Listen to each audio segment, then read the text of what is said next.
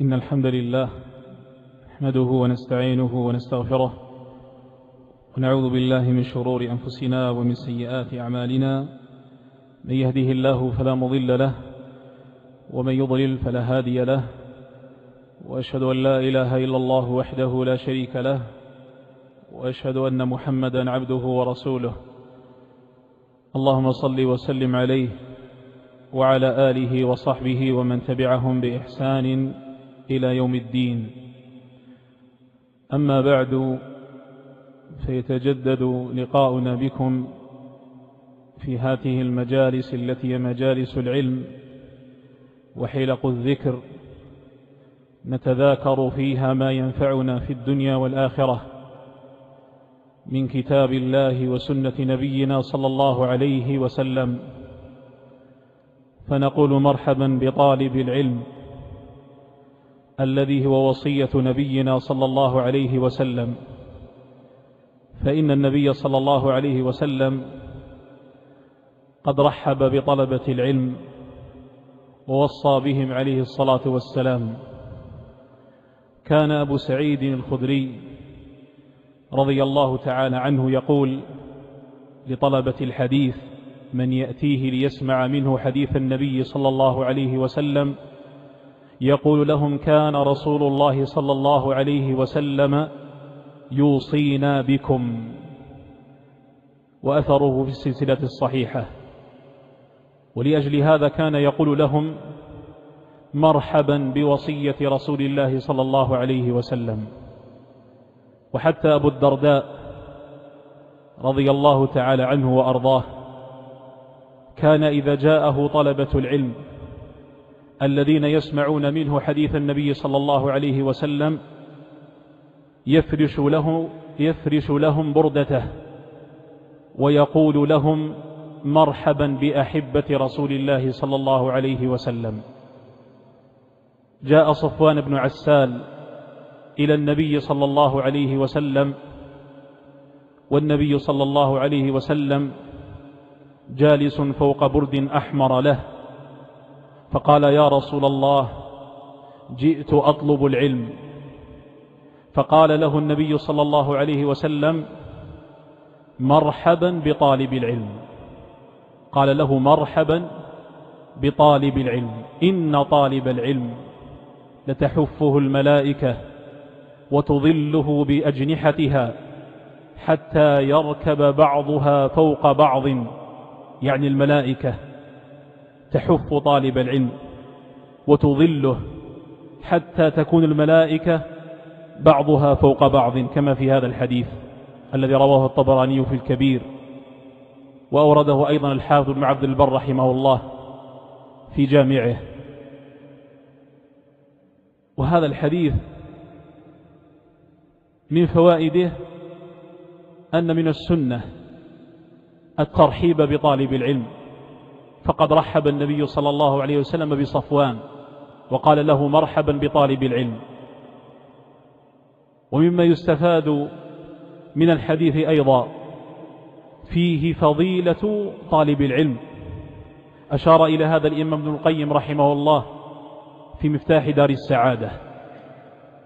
فضيلة طالب العلم تظهر من صنيع الملائكة. الملائكة تضع أجنحتها رضا بما يصنع. الملائكة تحفه تحفظه وتظله بأجنحتها.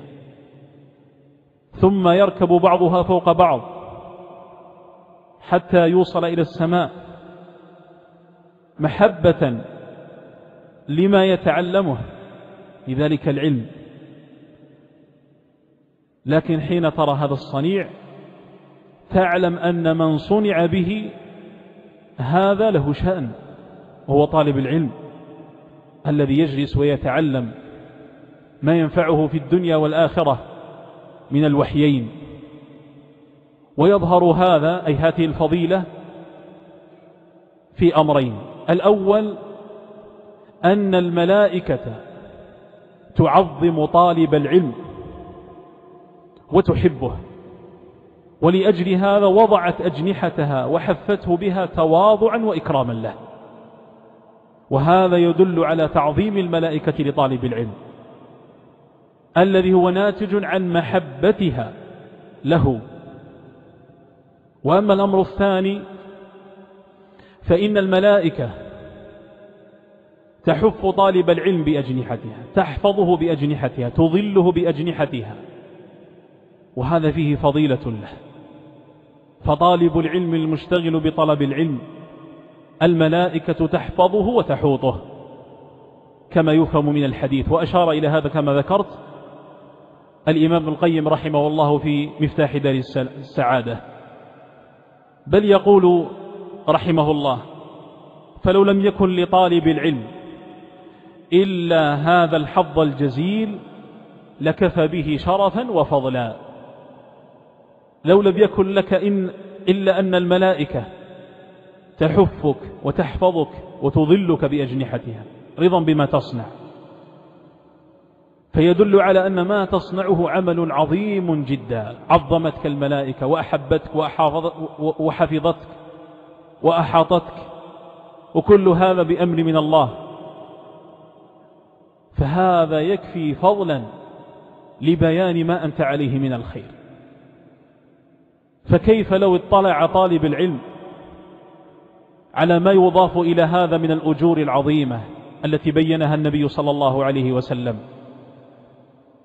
وأزيدكم بشارة وهي قوله صلى الله عليه وسلم من غدا إلى المسجد ذهب إلى المسجد ولا يشترط أن يكون غدوة ولو ذهب في المساء ولو ذهب في أي وقت إلى المسجد. قال صلى الله عليه وسلم من غدا إلى المسجد لا يريد إلا أن يتعلم خيرا أو يعلمه فله أجر حاج تاما حجته. رواه الطبراني. حاج أجر الحاج تاما حجته. غير ناقصة.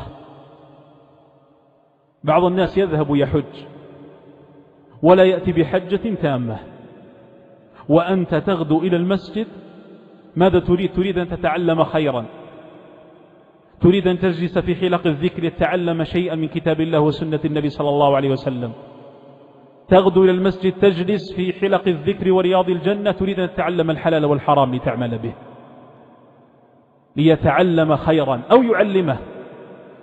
كان له أجر حاج تاما حجته. وقد يحج الحاج ولا يأتي بمثل هذا الأجر. وأنت تأتي إلى المسجد ويكون لك هذا الأجر العظيم. أجر حجة تامة غير ناقصة. ولأجل هذا فلنحرص على هذا الخير ولنسعى إليه. وينبغي أن نبذل الوسع وأن نجاهد النفوس التي يصيبها الكسل والعطب. أن نجاهدها على أن تتعلم الخير وأن تغدو إلى المساجد وأن تألف مجالس الذكر وحلق العلم وأن تألف الاستماع إلى كلام أهل العلم ولو مسجلا أو قراءة الكتب. ويجمع هذا أن نجاهدها على أن تشتغل بتعلم العلم الذي ينفعها في الدنيا والآخرة. والأمر يحتاج أولا إلى إخلاص لله جل وعلا. فالله جل وعلا هو الموفق. وإذا سعى الإنسان إلى هذا الخير مخلصا لله جل وعلا أعانه الله. وزد على ذلك ينبغي علينا الصبر. إن هذا الطريق هو طريق إلى الجنة. من سلك طريقا يلتمس به علما سهل الله له به طريقا إلى الجنة. طريق إلى الجنة هذا طريق التعلم. واعلم حفظك الله أن طريق الجنة لا بد فيه من مشاق وأن الجسر الذي تمر عليه إليها هو جسر مليء بالتعب جسر تعب كما يقول ابن القيم رحمه الله في مفتاح دار السعادة. فإن عقلاء فإن العقلاء من كل أمة كما يقول رحمهم الله على أن النعيم لا ينال بالنعيم وعلى أن من آثر الراحة لن ينال الراحة. لا بد من مجاهدة ومشقة حتى يرتاح الإنسان. يرتاح إنسان في جنة عرضها السماوات والأرض وهي الراحة العظيمة والسعادة الأبدية. فإنها دنيا وعما قريب ننتقل عنها إما بموت واحدنا أو بقيام الساعة. فهي لحظات سريعة. لكن الإنسان إذا جاهد نفسه على الخير وفعله والسعي إليه وأخلص لله جل وعلا فإنه يكون على خير عظيم وينال خيرا عظيما. مشقة فيها لذة هي مشقة وجسر تعب لكن فيه لذة عظيمة. لذة عظيمة في الدنيا تكون بها اللذة العظمى في الآخرة. بدخول الجنة أسأل الله جل وعلا أن يجعلني وإياكم المسلمين من أهلها. والاشتغال بالعلم والتعلم هذا أيها الإخوة يتأكد في زمن الفتن. إذ نقرر أن طلب العلم هو من أجل العبادات والطاعات. العلماء على أن أفضل النوافل هو طلب العلم. هذه أفضل النوافل. أفضل النوافل طلب العلم. لا نتكلم عن العلم الواجب عليك وإنما نتكلم عما هو زائد عن الواجب. فبعد الفرائض أفضل النوافل هو طلب العلم وبذل الأوقات في تعلمه. فأنت بهذا تعبد الله سبحانه وتعالى تعبد الله جل وعلا. في زمن الفتن كزمننا هذا زمن فتن كثرت وعظمت واختلطت فيه المفاهيم. يحتاج الإنسان إلى أن ينصرف إلى العبادة. لأن النبي صلى الله عليه وسلم يقول العبادة في الهرج كهجرة إلي. وقوله العبادة في الهرج الهرج هو الاختلاط أو القتل ويراد به الفتنة. العبادة في الفتنة كهجرة إلي. هل يمكن يهاجر الإنسان اليوم إلى النبي صلى الله عليه وسلم فيأخذ أجر هجرة هذا لا يمكن. لأنه لا هجرة بعد فتح مكة. وأعظم من هذا النبي صلى الله عليه وسلم قد مات فلا يهاجر إليه. أما إنك إذا أردت أن تنال أجر هجرة إلى النبي صلى الله عليه وسلم فعليك أن تشغل نفسك في زمن الفتن بعبادة الله سبحانه وتعالى. وزمن الفتن هو زمن غفلة يغفل الناس فيه عن العبادة عن طلب العلم عن تعلمه عن ما ينفعهم ينشغلون بالفتن. ولكن الموفق من عباد الله. حين تعظم هذه الفتن يلتجئ إلى ربه سبحانه وتعالى مكثرا من العبادات والطاعات باختلاف تنوعها وإن من أجلها أن يتعلم العلم الشرعي الذي ينفعه في الدنيا والآخرة. ثم إن الذي نتدارس وإياكم في مثل مجلسنا هذا من كل أسبوع أحاديث عن نبينا صلى الله عليه وسلم فيها بيان صفاته صلى الله عليه وسلم الخلقية والخلقية وهذا يدخل في باب مدارسة حديث رسول الله صلى الله عليه وسلم لأن المحدثين في تعريفهم للحديث يقولون هو ما أضيف إلى النبي صلى الله عليه وسلم من قول أو فعل أو تقرير أو وصف خلقي أو خلقي. قالوا أو وصف خلقي أو خلقي. فما يذكر عن نبينا صلى الله عليه وسلم من أخلاق تحلى بها. هذا من جملة حديث رسول الله. وما يذكر أيضا من صفاته الخلقية الذاتية فهذا أيضا من حديثه.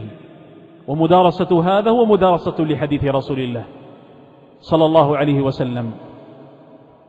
واخترت لهذا فصلا من فصول كتاب نفيس لشيخ الإسلام ابن تيمية رحمه الله تبارك وتعالى. وهو الجواب الصحيح لمن بدل دين المسيح. فصل ذكر فيه رحمه الله أحاديث عن نبينا صلى الله عليه وسلم أكثرها من الصحيحين أو هي موجودة في أحدهما وقلة من الأحاديث خارج الصحيحين. يذكر فيها أو يذكر فيها تلك الأحاديث صفات نبينا صلى الله عليه وسلم وأخلاقه صلوات ربي وسلامه عليه. وأما ما يتعلق بصفاته الخلقية فينبغي أن نعلم علم يقين أن نبينا صلى الله عليه وسلم قد تحلى بالأخلاق الحسنة عليه الصلاة والسلام وبلغ فيها المعالي فخلقه صلى الله عليه وسلم هو أكمل الخلق وأحسنه وأعظمه صلوات ربي وسلامه عليه. وهذا منة من الله جل وعلا على نبينا صلى الله عليه وسلم. بل إن الله جل وعلا قد أثنى على نبينا صلى الله عليه وسلم بذلك الخلق. فقال له كما في سورة القلم وإنك لعلى خلق عظيم. لعلى خلق عظيم. أي رفيع القدر. خلق رفيع القدر. وأكد هذا سبحانه وتعالى مع أن كلام ربنا جل وعلا حق وصدق لكن أكده لبيان عظم ما هو مذكور. وهو, وهو خلق نبينا صلى الله عليه وسلم العظيم. وإنك لعلى خلق عظيم. بالقسم المقدر وإن واللام ثلاث مؤكدات. وإن أحببت أن تعرف مجمل خلق نبينا صلى الله عليه وسلم وحاصله فتأمل في تفسير عائشة رضي الله تعالى عنها حين سئلت عن خلق نبينا صلى الله عليه وسلم فأجملت وقالت رضي الله تعالى عنها كان خلقه القرآن. فتريد أن تعرف خلق, خلق النبي صلى الله عليه وسلم هذا هو خلق نبيك عليه الصلاة والسلام. كان خلقه القرآن عليه الصلاة والسلام. يأتمر بأمر ربه وينتهي عما نهى عنه سبحانه وتعالى. تقرأ القرآن. فلا تجد في القرآن من خلق من الأخلاق إلا واعلم أن النبي صلى الله عليه وسلم قد تحل به وبلغ فيه الكمال. تقرأ كتاب الله سبحانه وتعالى فما تجد فيه من خلق ولا أدب ولا حسن معاملة ولا حث على فضيلة ولا نهي عن رذيلة إلا ونبينا صلى الله عليه وسلم قد تحل بذلك عليه الصلاة والسلام. وهذا معنى قولها رضي الله تعالى عنها كان خلقه القرآن.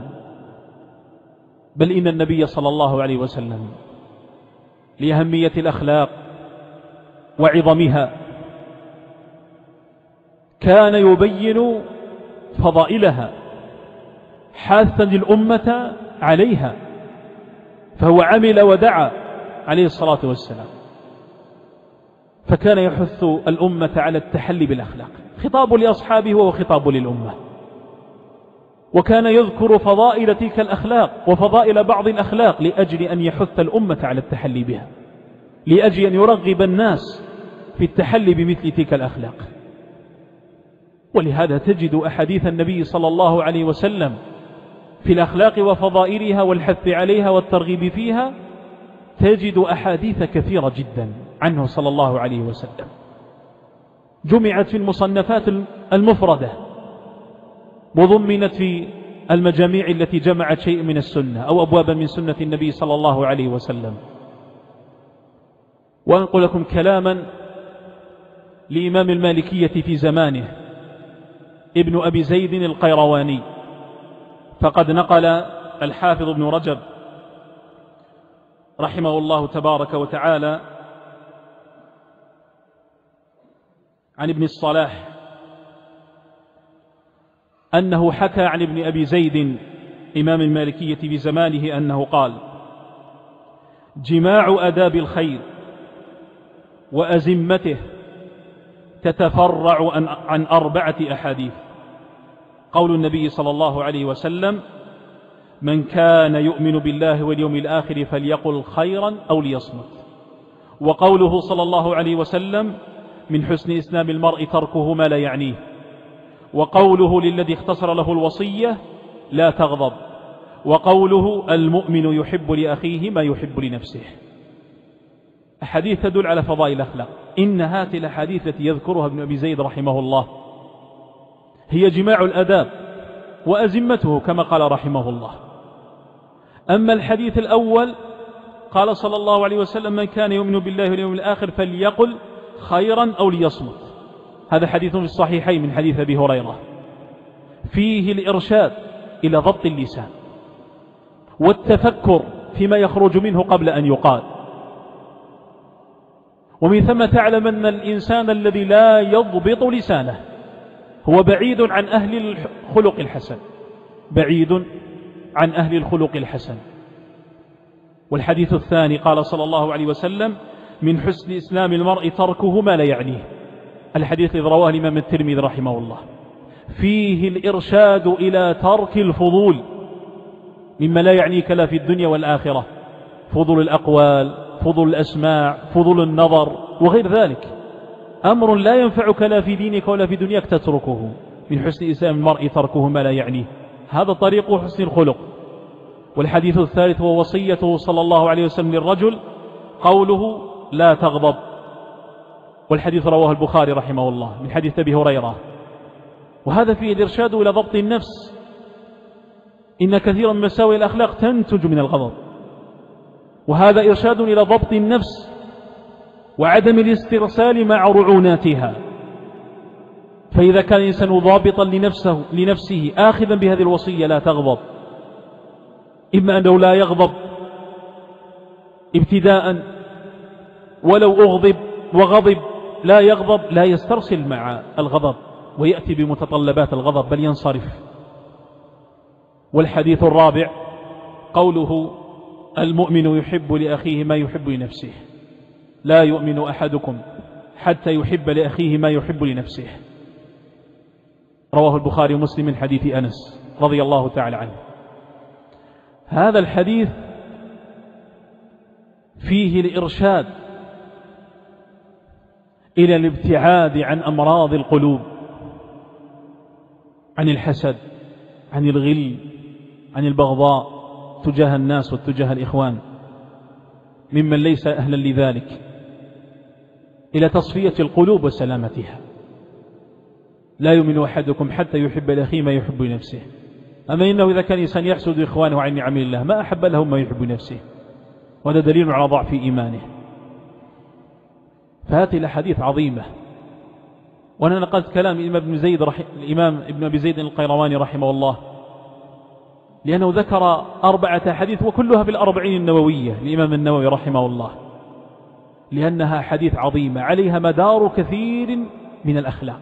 ولهذا رحمه الله وقال جماع أداب الخير وأزمته تتفرع عن أربعة أحاديث ينبغي الاعتناء بها.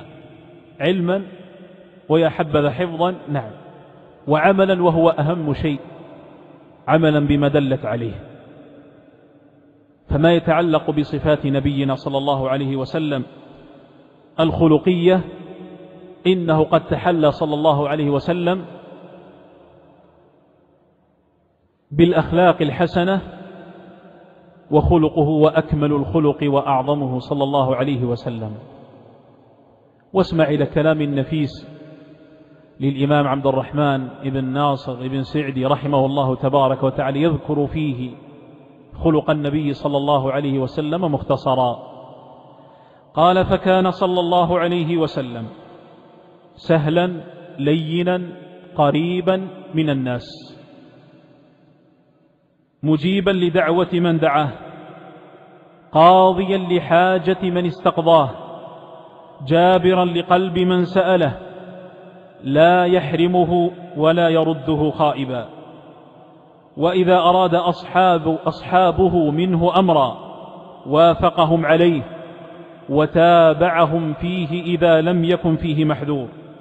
وإن عزم على أمر لم يستبد به دونهم بل يشاورهم ويؤامرهم وكان يقبل من محسنهم ويعفو عن مسيئهم ولم يكن يعاشر جليسا له إلا أتم عشرة وأحسنها فكان لا يعبس في وجهه ولا يغلظ عليه في مقاله ولا يطوي عنه بشره ولا يمسك عليه فلتات لسانه ولا يؤاخذه بما يصدر منه من جفوة. بل يحسن إلى عشيره غاية الإحسان ويحتمله غاية الاحتمال صلوات ربي وسلامه عليه. كلام لخص لنا فيه أخلاق نبينا صلى الله عليه وسلم بل أعظمها وأكثرها. ويا ليتنا نتأسى بنبينا صلى الله عليه وسلم بذلك حقا وصدقا. لأننا أيها الإخوة حين نتذاكر أخلاق نبينا صلى الله عليه وسلم فإن السؤال الذي يرد ما حالنا مع أخلاق نبينا صلى الله عليه وسلم؟ وذلك من جهتين. أما الجهة الأولى ما حالنا مع أخلاق نبينا صلى الله عليه وسلم من جهة العلم بها؟ هل حرصنا على أن نتعلم أخلاق نبينا صلى الله عليه وسلم؟ أن نتدارسها وأن نتذاكرها أن نقرأ في الكتب التي جمعت الأحاديث التي ذكرت فيها شمائله وأخلاقه صلوات ربي وسلامه عليه. والعناية بهذا الأمر الأول هو الناحية العلمية أن نتعلم أخلاقه صلى الله عليه وسلم هو مفيد لنا جدا. لأن الإيمان بالنبي صلى الله عليه وسلم أولا واجب. ولا يكون لمن لم يؤمن به إلا بمعرفته. فلا يمكن أن يؤمن به من لم يؤمن به إلا بمعرفته. معرفة نبينا ومعرفة أشياء ولو على سبيل الإجمال والعموم. وإن المسلم الذي يؤمن بالنبي صلى الله عليه وسلم إذا تعلم شمائله وأخلاقه فإن ذلك يزيده إيمانا يزيدك إيمانا يزيدك تعظيما للنبي صلى الله عليه وسلم يزيدك محبة له عليه الصلاة والسلام. وكلما ازددت معرفة بالنبي صلى الله عليه وسلم من هذه الجهة معرفة أخلاقه وشمائله إلا وازددت له ازددت به إيمانا وله تعظيما ومحبة ومحبته واجبة علينا صلى الله عليه وسلم. لكنها تعظم كلما ازدادت معرفتك بنبيك صلى الله عليه وسلم خصوصا من جهة موضوعنا من جهة شمائله وأخلاقه. صلوات ربي وسلامه عليه. بل إنه يزيد تأسيك به عليه الصلاة والسلام. وربنا جل وعلا جعله القدوة والأسوة. لقد كان لكم في رسول الله أسوة حسنة.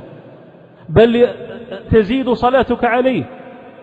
إنك إذا أكثرت من مذاكرة شمائله وأخلاقه عليه الصلاة والسلام لتعرف عظم الخلق الذي كان عليه وأنت تريد الاقتداء والاتساء به فإنك في تحليك لتلك الأخلاق تتذكره صلى الله عليه وسلم. فيزداد بهذا صلاتك عليه ويلهج لسانك بالصلاة على النبي صلى الله عليه وسلم. والناحية الثانية هل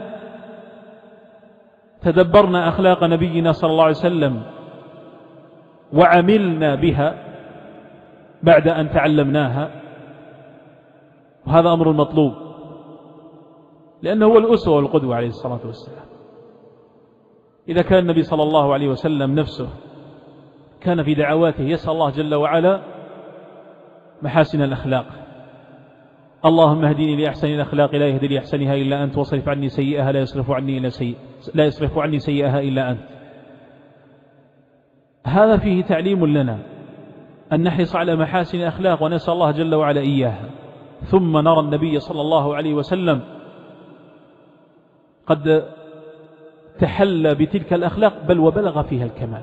وإننا والله الذي لا إله إلا هو لن نصل إلى ذلك الكمال. لكن المطلوب منا هو الاقتداء بالنبي صلى الله عليه وسلم. كان النبي صلى الله عليه وسلم حليما احرص على أن تتحلى بالحلم مع أنك لن تصل إلى حلمه صلى الله عليه وسلم. لكن تحلى بالحلم. لم يكن صلى الله عليه وسلم يغضب, يغضب لنفسه يغضب لنفسه تتحلى بمثل هذا. كان شجاعا تتحلى بمثل هذا كان كريما جوادا تتحلى بمثل هذا. وهكذا كلما تعلمت خلقا من أخلاق النبي صلى الله عليه وسلم ذاك التعلم الذي يزيد به إيمانك ويزيد به تعظيمك ومحبتك للنبي صلى الله عليه وسلم يدعوك بعد ذلك إلى أن تتأسى به فتعمل. فتعمل بتلك الأخلاق التي تحل بها نبينا. عليه الصلاة والسلام. ولهذا كما أشرت أولا قبل نقل كلام ابن أبي زيد رحمه الله النبي صلى الله عليه وسلم كان يحث على فضائل الأخلاق ويدعو إليها صلوات ربي وسلامه عليه. وأما الشق الثاني من هذه الحديث فهو يتعلق بصفات نبينا صلى الله عليه وسلم الخلقية. صفاته الخلقية. هاته أيضا نقلها الصحابة عن نبينا صلى الله عليه وسلم. كيف كان طوله من قصره كيف كان وجهه وكيف كان حسن وجهه ذكر شعره وذكرت أعضاء جسده ذكر عرقه صلى الله عليه وسلم. والأمر الذي ينبغي أن يتيقن من غير شك ولا ريب أن تعلم أن نبينا صلى الله عليه وسلم قد زينه ربه وأكمل تزيينه سبحانه وتعالى. فالنبي صلى الله عليه وسلم هو أجمل الناس أجمعين عليه الصلاة والسلام. ستأتي الأحاديث حديث البراء بن عازب رضي الله تعالى عنه.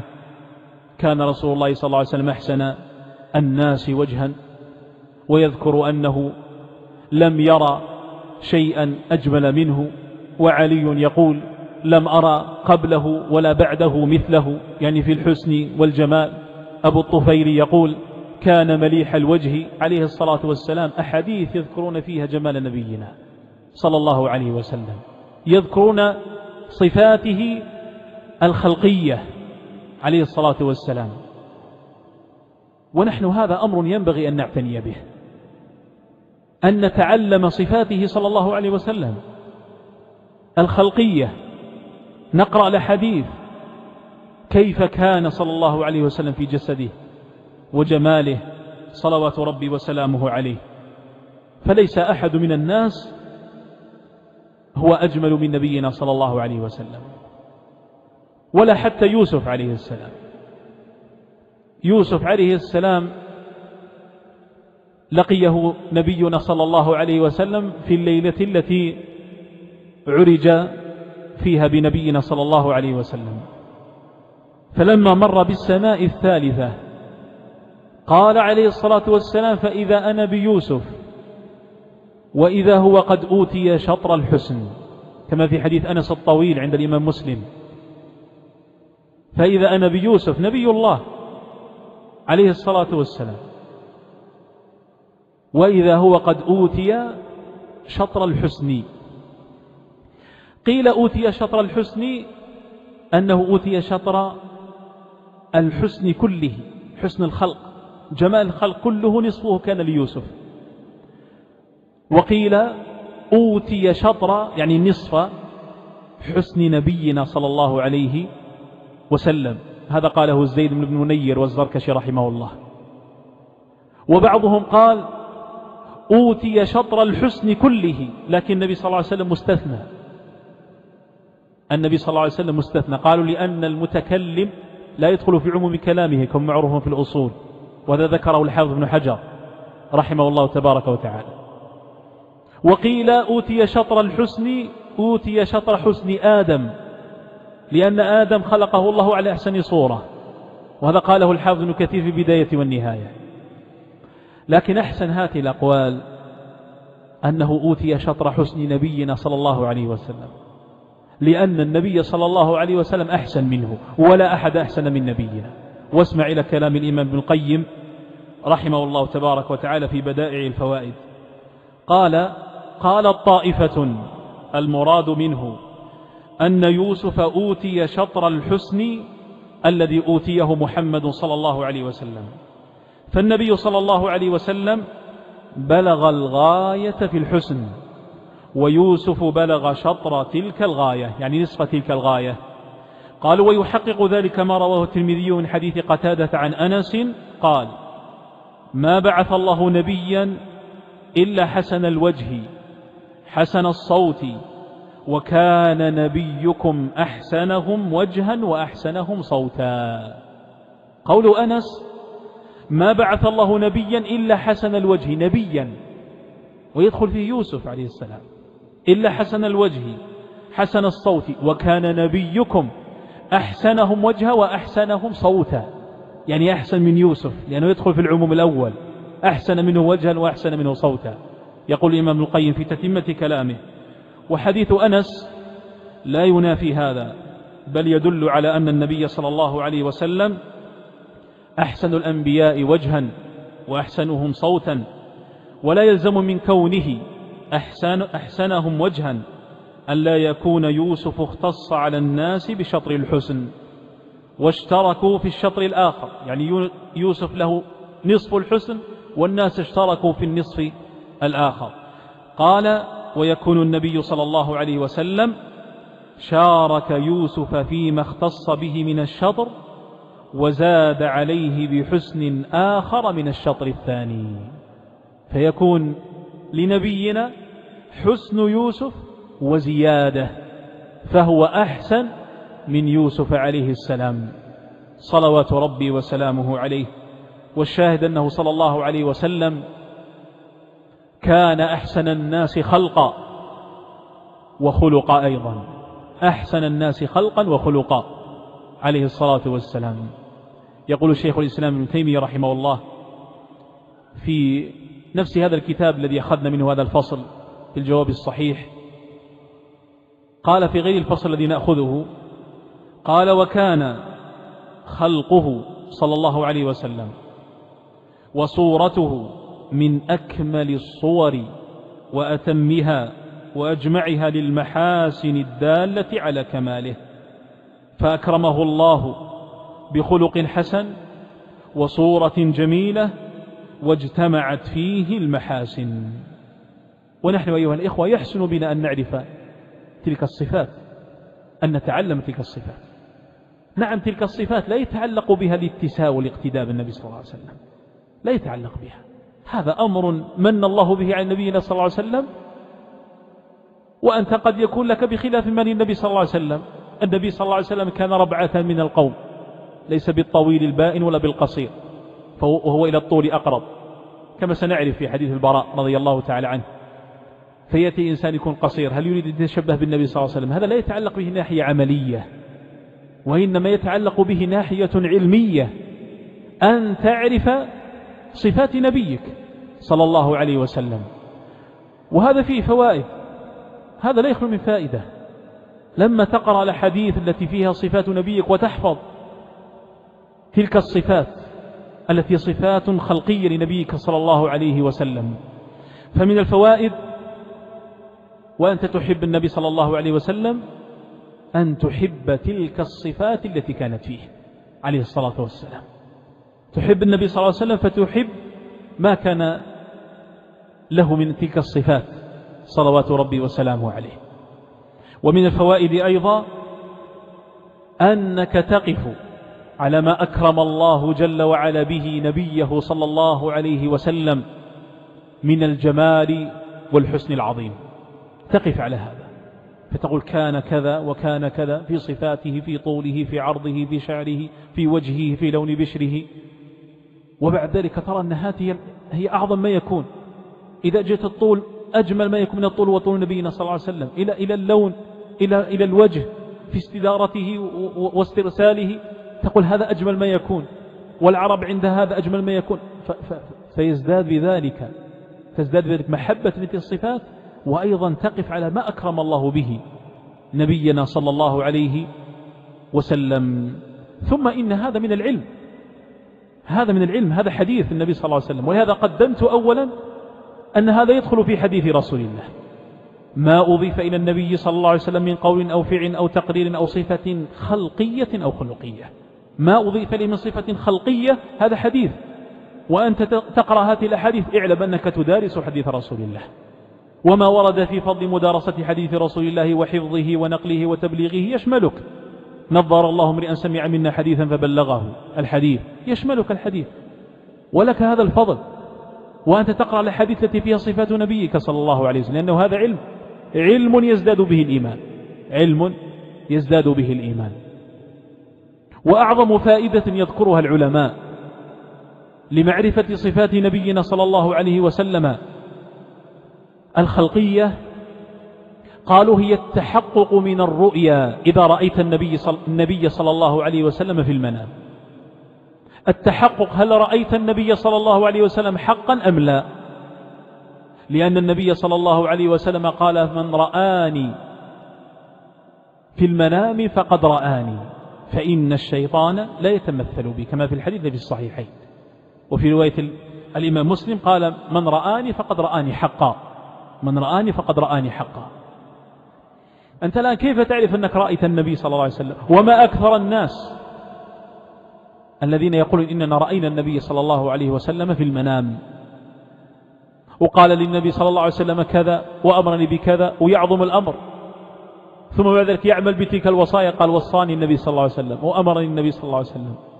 ونحن يا إخوة إنما نأخذ الأحكام الشرعية من كتاب الله وسنة النبي صلى الله عليه وسلم لا من المنامات.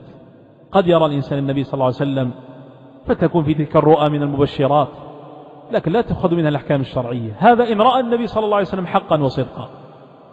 والميزان في ذلك ومعرفة صفاته. لو جاءك إنسان وقال لك إني رأيت النبي صلى الله عليه وسلم في المنام ما هو أول سؤال؟ أول سؤال تقول ماذا قال لك؟ وماذا رأيت؟ وكيف فعلت؟ لا. أول أول سؤال اذكر لي صفات الذي رأيته. جاء رجل إلى ابن عباس رضي الله تعالى عنهما فقال إني رأيت النبي صلى الله عليه وسلم. فقال له ابن عباس صف لي الذي رأيت. صف لي الذي رأيت. لماذا هذا السؤال؟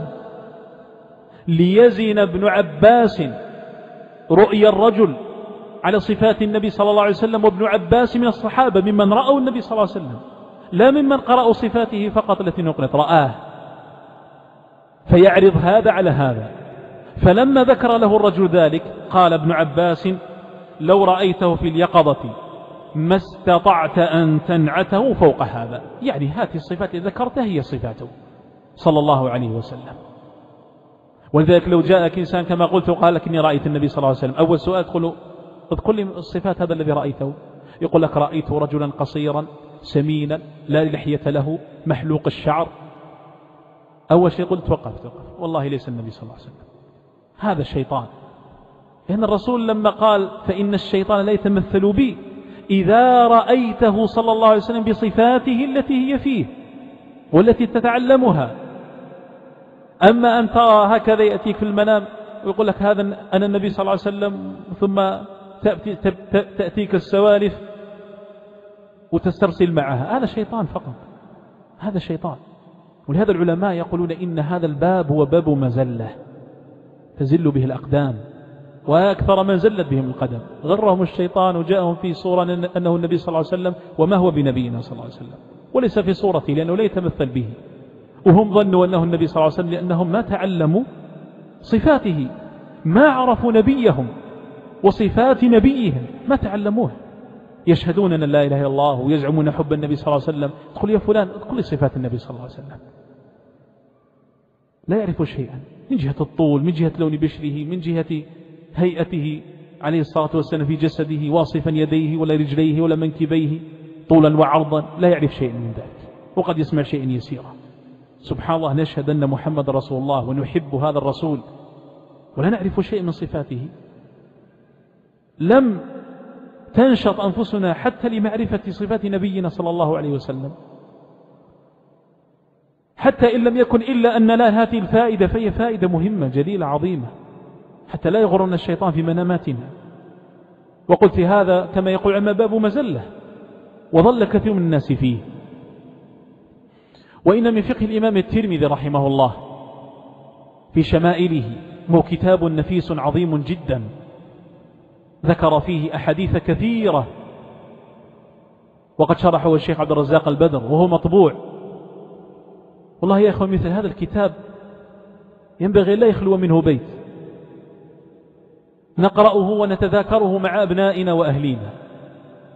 لنعلمهم ونتعلم معهم شمائل نبينا وأخلاقه وصفاته الخلقية عليه الصلاة والسلام. الإمام الترمذي رحمه الله في كتابه الشمائل أبواب كثيرة عقدها لبيان صفاته الخلقية والخلقية. آخر باب في الكتاب باب ما جاء في رؤيا النبي صلى الله عليه وسلم. بعد أن تتعلم صفات النبي صلى الله عليه وسلم يأتيك هذا الباب لتعرف أن ثمة ترابط بين معرفتك لصفات النبي صلى الله عليه وسلم والتحقق من الرؤيا. إذا رأيت النبي صلى الله عليه وسلم هل رأيته حقا أم ليس هو صلى الله عليه وسلم إنما هو شيطان تمثل به وليس فيه من صفات نبينا صلى الله عليه وسلم؟ ونشرع في قراءة ما ذكره شيخ الإسلام ابن تيمية رحمه الله تبارك وتعالى في هذا الفصل الذي قلت عقده لذكر أحاديث في بيان صفاته صلى الله عليه وسلم الخلقية والخلقية. نعم. قال شيخ الإسلام ابن تيمية رحمه الله تعالى وغفر له وحفظ شيخنا ووفقه السامعين. في كتابه الجواب الصحيح لمن بدل دين المسيح. فصل نقل الناس لصفاته صلى الله عليه وسلم الدالة على كماله. قال رحمه الله وقد نقل الناس صفاته الظاهرة الدالة على كماله ونقلوا أخلاقه من من حلمه وشجاعته وكرمه وزهده وغير ذلك. ونحن نذكر بعض ذلك. نعم. يقول شيخ سلام تيمية رحمه الله في هذا الفصل وقد نقل الناس صفاته الظاهرة. في بعض نسخ الكتاب صفاته الطاهرة. وصفاته هي طاهرة وظاهرة. فهم نقلوا الصفات الظاهرة عنه صلى الله عليه وسلم. قال وقد نقل الناس صفاته الظاهرة الدالة على كماله. ويقصد بالناس ليس كل الناس وإنما يقصد بهم أهل الحديث وإمة الحديث. فإنهم هم الذين نقلوا حديث رسول الله صلى الله عليه وسلم الحديث الذي تذكر فيه صفاته صلى الله عليه وسلم. وإمة الحديث في من صنف في حديث رسول الله منهم من نقل ذلك مستقلا في كتاب مستقل كالإمام الترمذي كما شرت أنفا في كتابه الشمائل كله في صفات النبي صلى الله عليه وسلم الخلقية والخلقية. ومنهم من ضمنه في مجاميع السنة. تجد أبوابا وكتبا في كتب السنة خاص بهذا بصفات النبي صلى الله عليه وسلم وبشمائل نبينا صلى الله عليه وسلم. فقوله وقد نقل الناس يقصد بهم أئمة الحديث صفاته الظاهرة الدالة على كماله. الدالة على كماله يعني التي يعرف بها كمال نبينا صلى الله عليه وسلم. قال وقد نقلوا أخلاقه من حلمه وشجاعته وكرمه وزهده وغير ذلك. هذه الأخلاق كما أشرت يا إخوان نحن نتعلمها ونتأسى بالنبي صلى الله عليه وسلم فيها. نتعلمها وهذا علم نتقرب به إلى الله جل وعلا ثم يتقرب العبد إلى الله جل وعلا بالعمل بذلك العلم فتتحلى بتلك الأخلاق. التي تحل بها نبيك صلى الله عليه وسلم. إن كانت فيك فهذا من نعمة الله عليك. اثبت على هذا وإياك أن تتغير أو تتبدل عن أخلاقك الحسنة.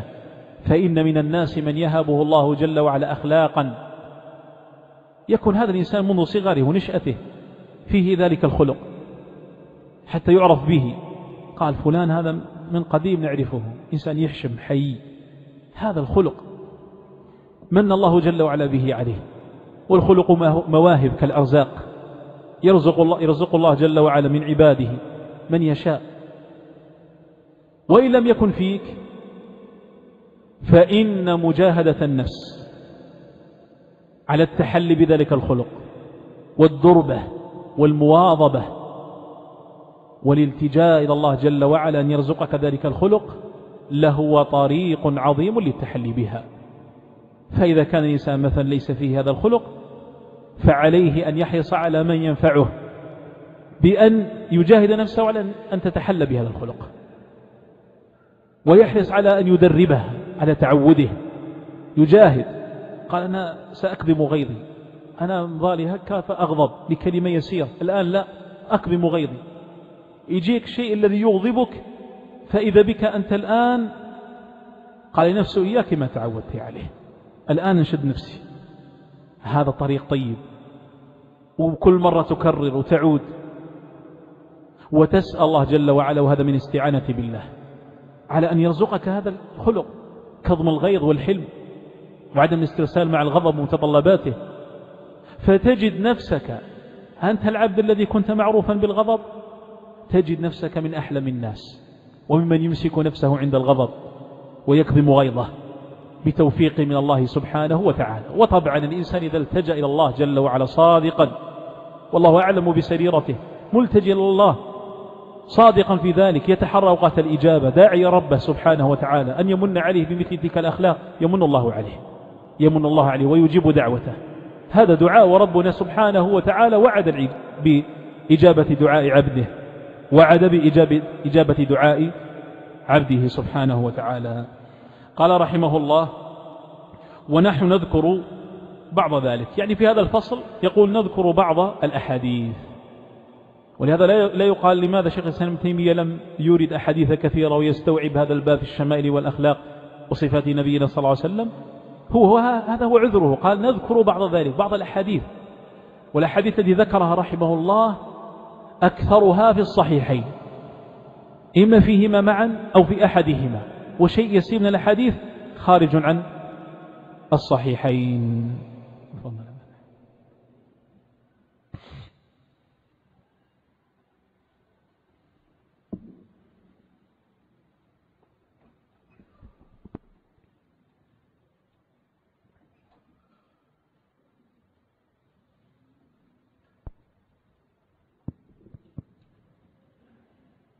الله أكبر الله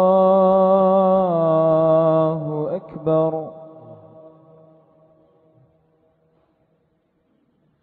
أشهد أن لا إله إلا الله. أشهد أن لا إله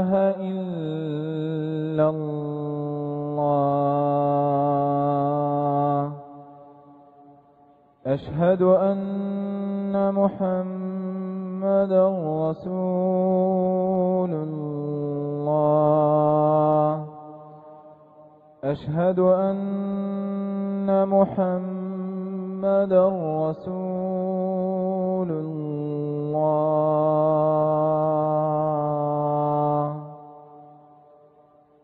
حي على الصلاة. حي على الصلاة.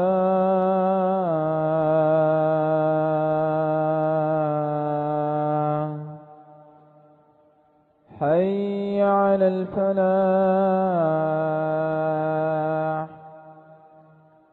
حي على الفلاح.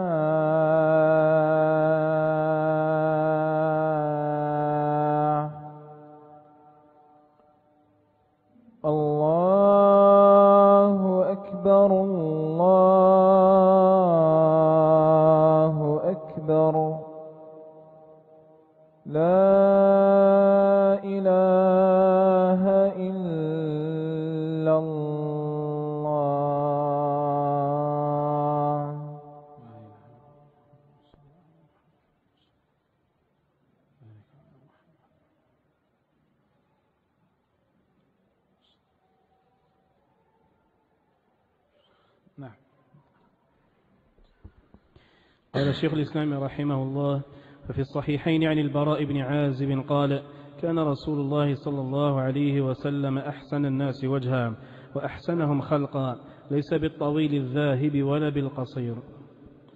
أورد هذا الحديث الأول في الصحيحين من حديث براء بن عازب رضي الله تعالى عنه. يقول كان رسول الله صلى الله عليه وسلم أحسن الناس وجها. هذا في صفة وجهه صلى الله عليه وسلم.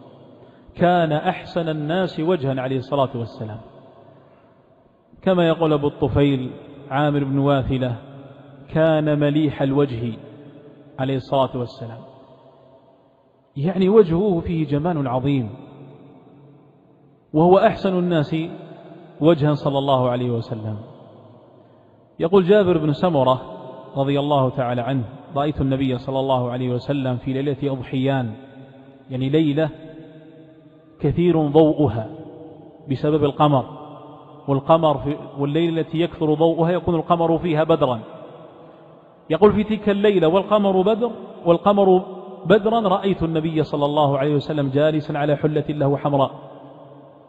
قال فجعلت أنظر إليه وأنظر إلى القمر فلهو أحسن عليه الصلاة والسلام عندي من القمر فلهو عندي أحسن من القمر. يعني ينظر إلى القمر وينظر إلى وجه النبي صلى الله عليه وسلم.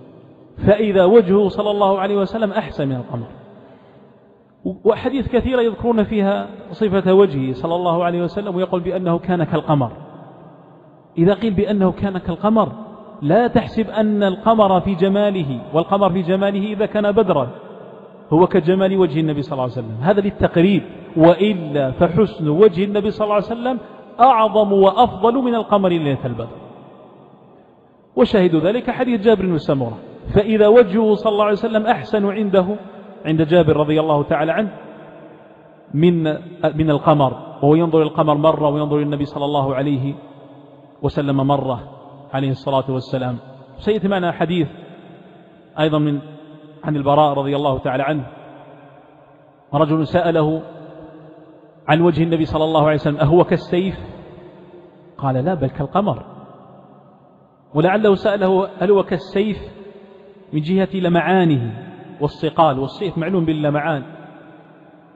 هل وجه النبي صلى الله عليه وسلم كذلك؟ قالوا لا بل كالقمر. والسيف مهما كان فيه من لمعان فالقمر ليلة البدر أحسن منه فيه. أو من جهة هل هو كالسيف هل وجهه طويل كالسيف؟ فقال له لا بل كالقمر.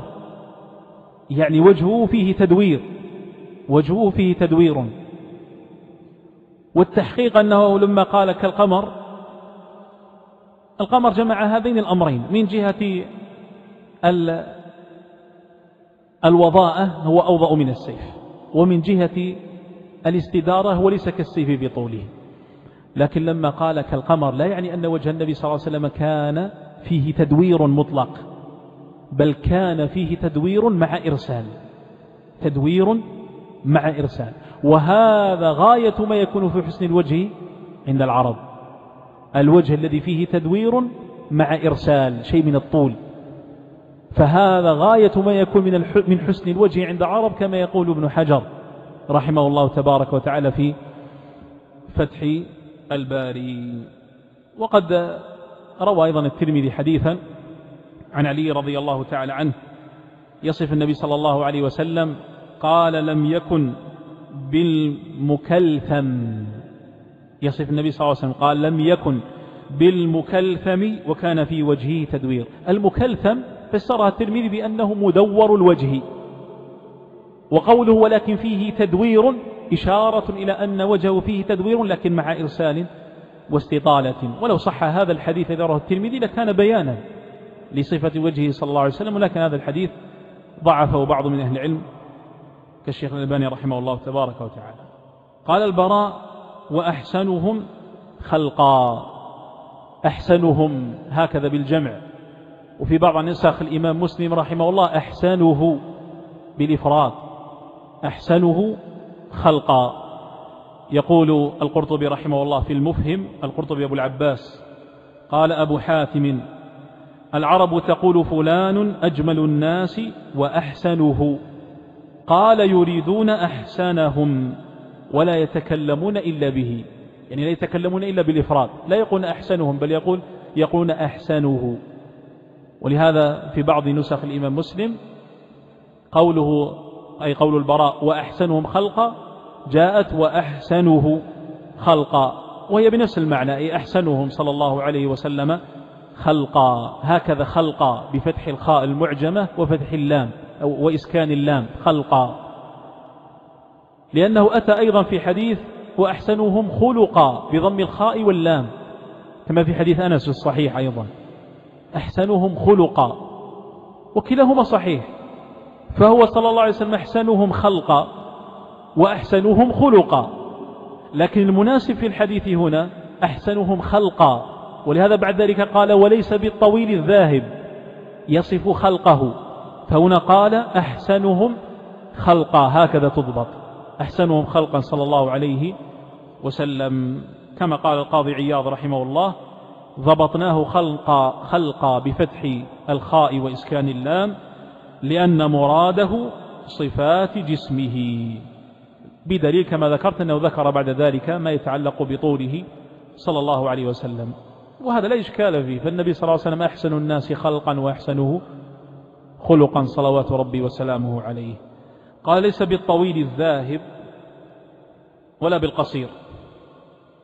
هذا يصف فيه طول نبينا صلى الله عليه وسلم. ونعرف كيف كان النبي صلى الله عليه وسلم في هذه الصفة. كان طويلا ولا كان قصيرا ولا كان وسطا؟ قال ليس بالطويل الذاهب ولا بالقصير. في بعض الروايات في, في بعض الأحاديث ليس بالطويل البائن يعني البين. طوله. وفي حديث في حديث آخر كان ربعة من القوم وكان مربوعا يعني متوسط الطول ليس بالطويل وليس بالقصير. هذا معنى ربعة من القوم ومربوعا مفسر في هذا الحديث. أي كان صلى الله عليه وسلم ليس بالطويل الذاهب أو البائن بين طوله ولا بالقصير عليه الصلاة والسلام. وهكذا يكون الجمال أحسن ما يكون في قد الرجل طولا أن لا يكون طولا طويلا طولا بينا ولا يكون قصيرا. أن لا يكون طويلا طولا بينا. فهذا أمر لا يعد من كان فيه من صفات الجمال. كما يقول الأخفش رحمه الله وهذا عيب في الرجال والنساء. يعني طويل بائن هذا عيب في الرجال والنساء. والنبي صلى الله عليه وسلم لم يكن كذلك. ولا بالقصير. الذي دخل بعضه في بعض كما يقول القرطبي رحمه الله. وإنما كان صلى الله عليه وسلم وسطا بين ذلك. لكن إذ نقول إنه كان وسطا بين ذلك فهو إلى الطول أقرب. بدليل أنه قال هنا ليس بالطويل الذاهب ولا بالقصير. ذكر وصفا للطويل الذاهب والبائن في رواية ولم يذكر وصفا للقصير. قال شراح الحديث وهذا فيه إشارة إلى أنه إلى الطول أقرب عليه الصلاة والسلام. أنه إلى الطول أقرب. يعني لما نقول الطويل وليس بقصير ما تقولش وسط محدد لا. كان وسط هو زائد فوقه صلى الله عليه وسلم. إلى الطول أقرب. ولهذا قيل ليس بالطويل الذاهب ولا بالطويل البائن عليه الصلاة والسلام بل كان وسطا بينهما لكنه إلى الطول أقرب عليه الصلاة والسلام. جاء في حديث هند بن أبي هالة ابن خديجة رضي الله تعالى عنها ربيب نبينا صلى الله عليه وسلم قال أطول من المربوع أطول من المربوع. يعني المربوع هو الوسط وهو كان أطول منه. ولكن حديث هند بن أبي هالة لا يخلو من مقال بل يضعفه بعض أهل العلم. وإن كان هذا هو الصريح في أنه كان إلى الطول أقرب لكن يفهم الحديث السابق إلى الطول ليس بالطويل الذاهب ولا البائن أنه إلى الطول أقرب عليه الصلاة والسلام. ومن ثم فيما يتعلق بطول نبينا صلى الله عليه وسلم فتقول إن النبي صلى الله عليه وسلم كان وسط من القوم وهو إلى الطول أقرب عليه الصلاة والسلام. ليس بالطويل الباين طوله ولا بالقصير بل هو وسط وإلى الطول أقرب عليه الصلاة والسلام. وسنكمل بقية الحديث في الدرس المقبل بإذن الله تبارك وتعالى. والله تعالى أعلم. وصلى الله وسلم وبارك على نبينا محمد وعلى آله وصحبه ومن تبعهم بإحسان إلى يوم الدين. سبحانك اللهم وبحمدك أشهد أن لا إله إلا أنت أستغفرك وأتوب إليك.